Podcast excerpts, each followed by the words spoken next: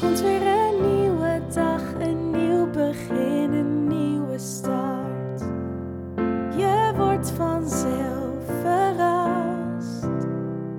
Dus lach niet, heb het leven lief. Ook al heb je zorgen, pak het met beide handen vast. Dit is de Alles is Liefde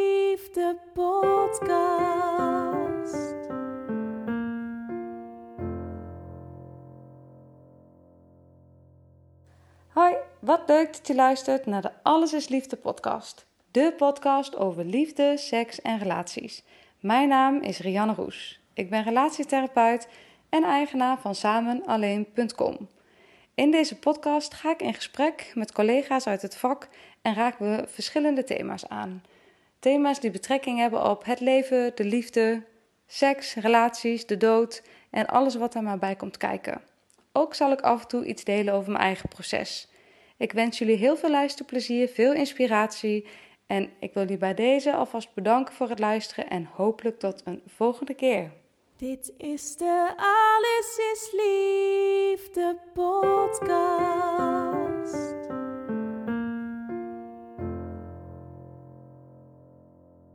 Hoi, wat leuk dat je luistert naar weer een nieuwe aflevering van de Alles is Liefde podcast.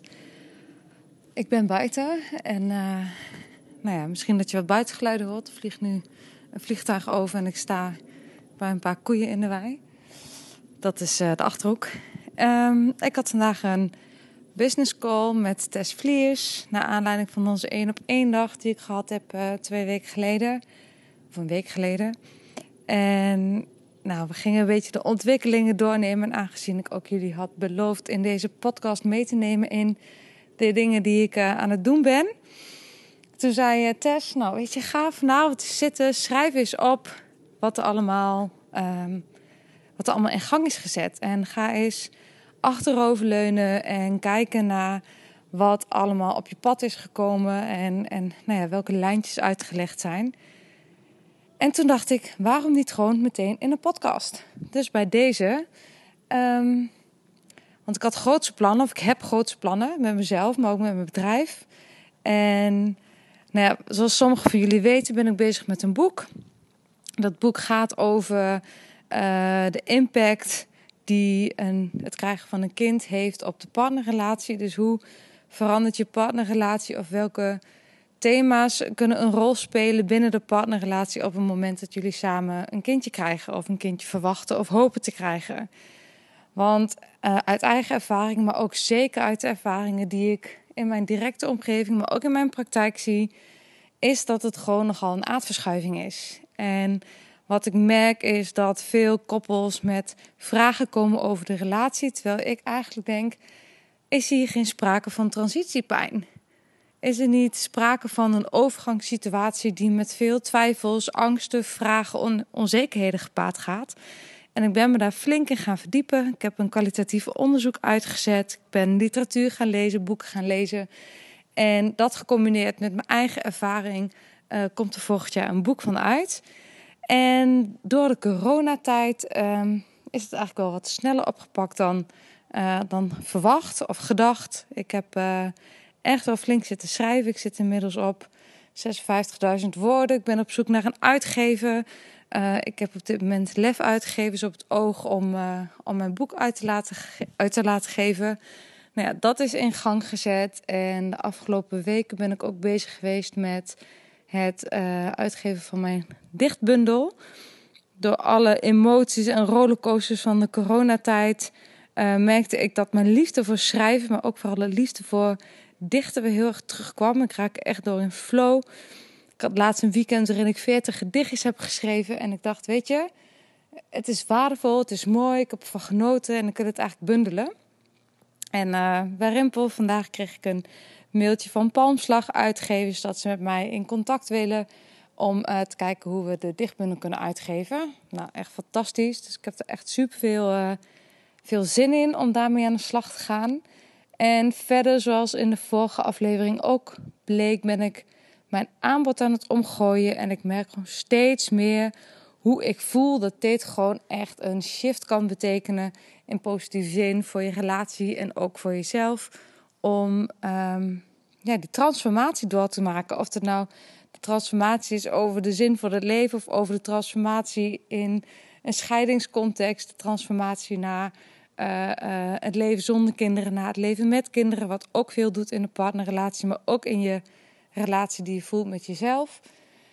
En daar heb ik nu een paar trajecten voor ontwikkeld. Eén traject op afstand, dus die zal niet fysiek in de achterhoek plaatsvinden, maar ook een traject van drie maanden, waarbij je dus drie lijfdagen hebt in, uh, in de achterhoek hier, op een prachtige omgeving. En ik heb gemerkt wat zo'n rustige setting met mensen doet, maar ook gewoon de tijd kunnen nemen om de thema's die echt ertoe doen aan te kunnen raken en ook daarin uh, stappen te kunnen zetten, snel stappen te kunnen zetten. Dus niet nou, ik heb het al vaker gezegd, dus niet elke week of elke twee weken wachten op dat uurtje in die wat, nou ja, wat klinische context om met mij te praten, waarin je weet dat er voor mij een uur iemand gezeten heeft en na mij een, ook een uur, maar echt gewoon een dag voor jou of voor jullie samen. En zodat we echt de diepte in kunnen gaan. En ik zie en ik merk dat het gewoon heel erg veel effect heeft. Inmiddels heb ik ook een vier maanden traject ontwikkeld waarin uh, je dus zowel samen met je partner komt als dat je ook alleen komt. Dus dat is echt een samen alleen traject. Nou ja, hoe mooi is het? Mijn bedrijf heet Samen Alleen. En dit traject is eigenlijk een vervlechting van zowel de naam als van wat jij als individu te brengen hebt in de relatie. Hoe vervlecht je dat in de relatie? Hoe kun je de dingen blijven delen die er te doen? Want dat is eigenlijk vaak wat ik zie dat koppels uh, dat individuen binnen koppels eigenlijk niet meer de dingen delen waarmee ze bezig zijn. Omdat ze denken dat of de ander hen niet begrijpt, of dat de ander uh, het te druk heeft, of ze willen iemand niet belasten. En voor je het weet zit je allebei of op een eilandje, of je bent nog maar een deel van jezelf aan het laten zien in een relatie. En dat verschraalt de relatie en dat is zonde.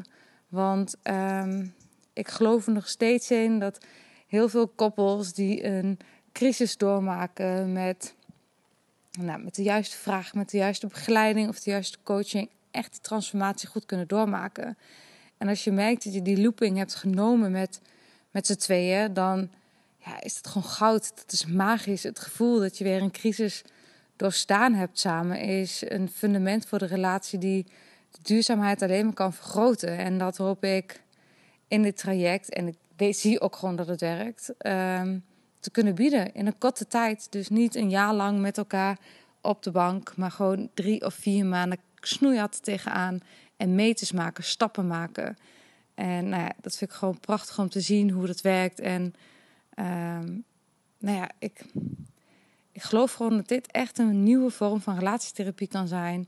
Die ja, op alle vlakken in je leven uh, een positieve ontwikkeling kan bevorderen. Nou ja, dat is dus wat ik ook met Tess heb besproken vandaag. En ook Tess geeft aan nou, dat, dat, uh, ja, dat dat gewoon iets is wat de, wat, uh, wat de mensen nodig hebben. Waarvan ik ook zelf zou denken, dit is iets wat ik wil, zou willen doen met mijn partner. Niet eens per se in crisis. Hè, dat is misschien een vier maanden traject lang. Als het niet om een, om een grote hulpvraag gaat, dan zou misschien een dag of twee dagen genoeg kunnen zijn of drie. Maar ja, ik zie het ook echt wel als een cadeautje. Iets wat je met elkaar kan aangaan. Wat je met z'n tweeën weer mag oppakken. Hoe je elkaar weer mag ontmoeten. Op een plek waar je elkaar misschien tien of twintig jaar geleden ontmoet hebt. Om weer opnieuw elkaar te zien vanuit de ontwikkeling die je als mens ook doorgemaakt hebt. En niet te leven in de oude context. Maar eigenlijk de brug te slaan naar wat was en wat, wat gaat komen of wat nu is. En dat, uh, nou, dat werkt gewoon heel mooi. Dus daar ben ik heel erg druk mee geweest de afgelopen weken. En uh, ik merk dat ik daar de vruchten af van mag plukken. Dus dat is echt heel gaaf.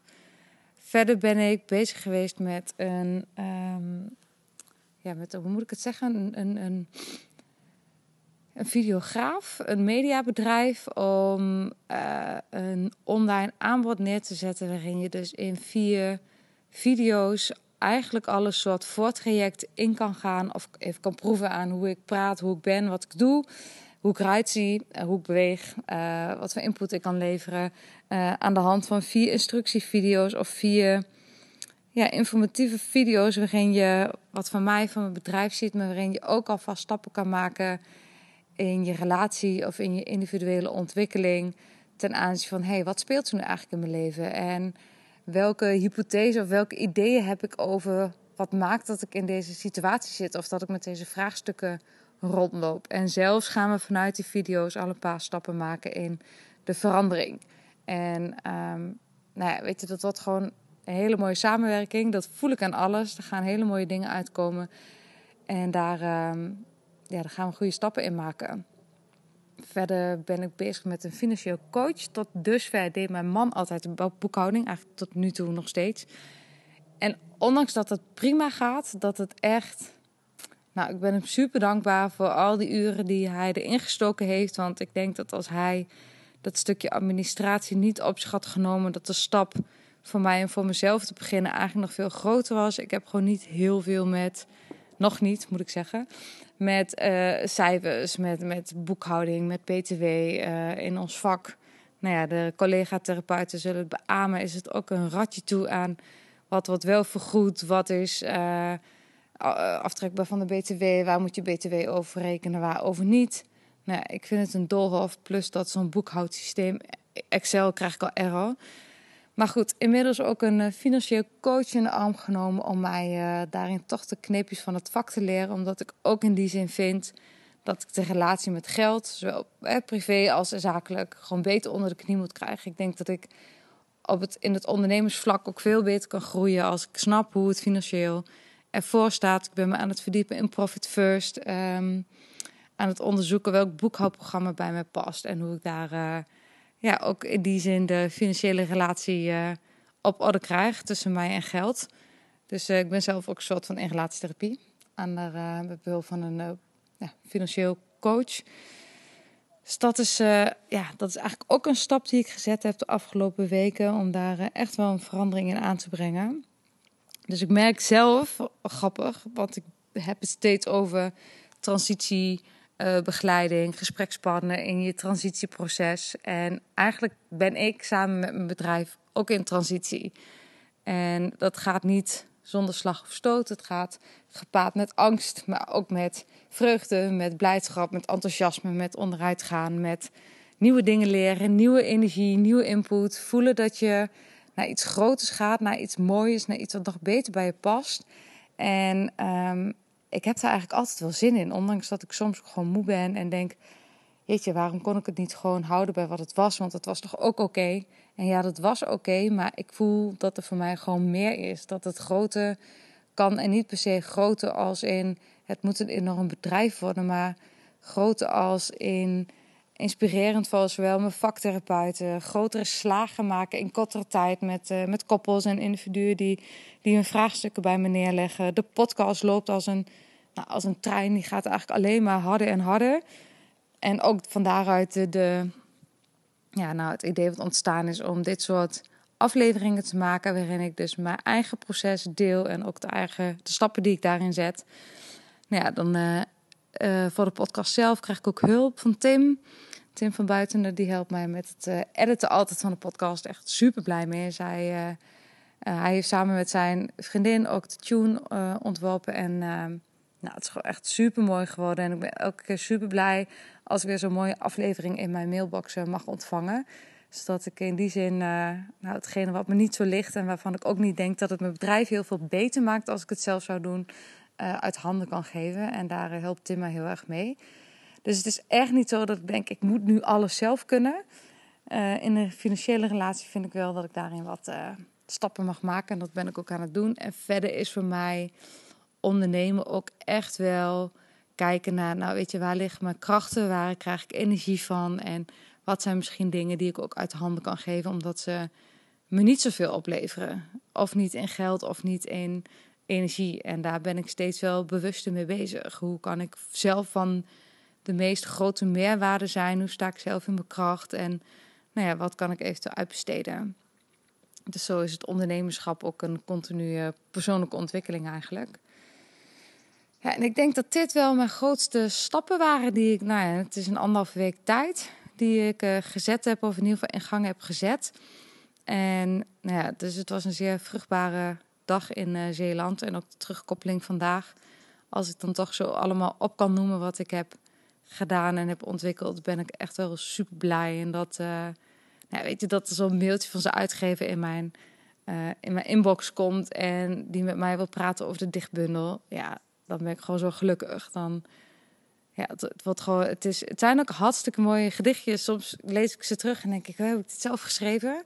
En dan denk ik, ja, ik heb het zelf geschreven. En ik denk dat, dat er gewoon veel mensen zijn die zich ook zullen herkennen in wat ik schrijf. Het zijn niet gedichtjes die soms heb je van die bundels en dan denk ik zelf ook, ja, het is hartstikke mooi geschreven, maar ik snap eigenlijk geen rol van wat er nu staat of wat er mee bedoeld wordt.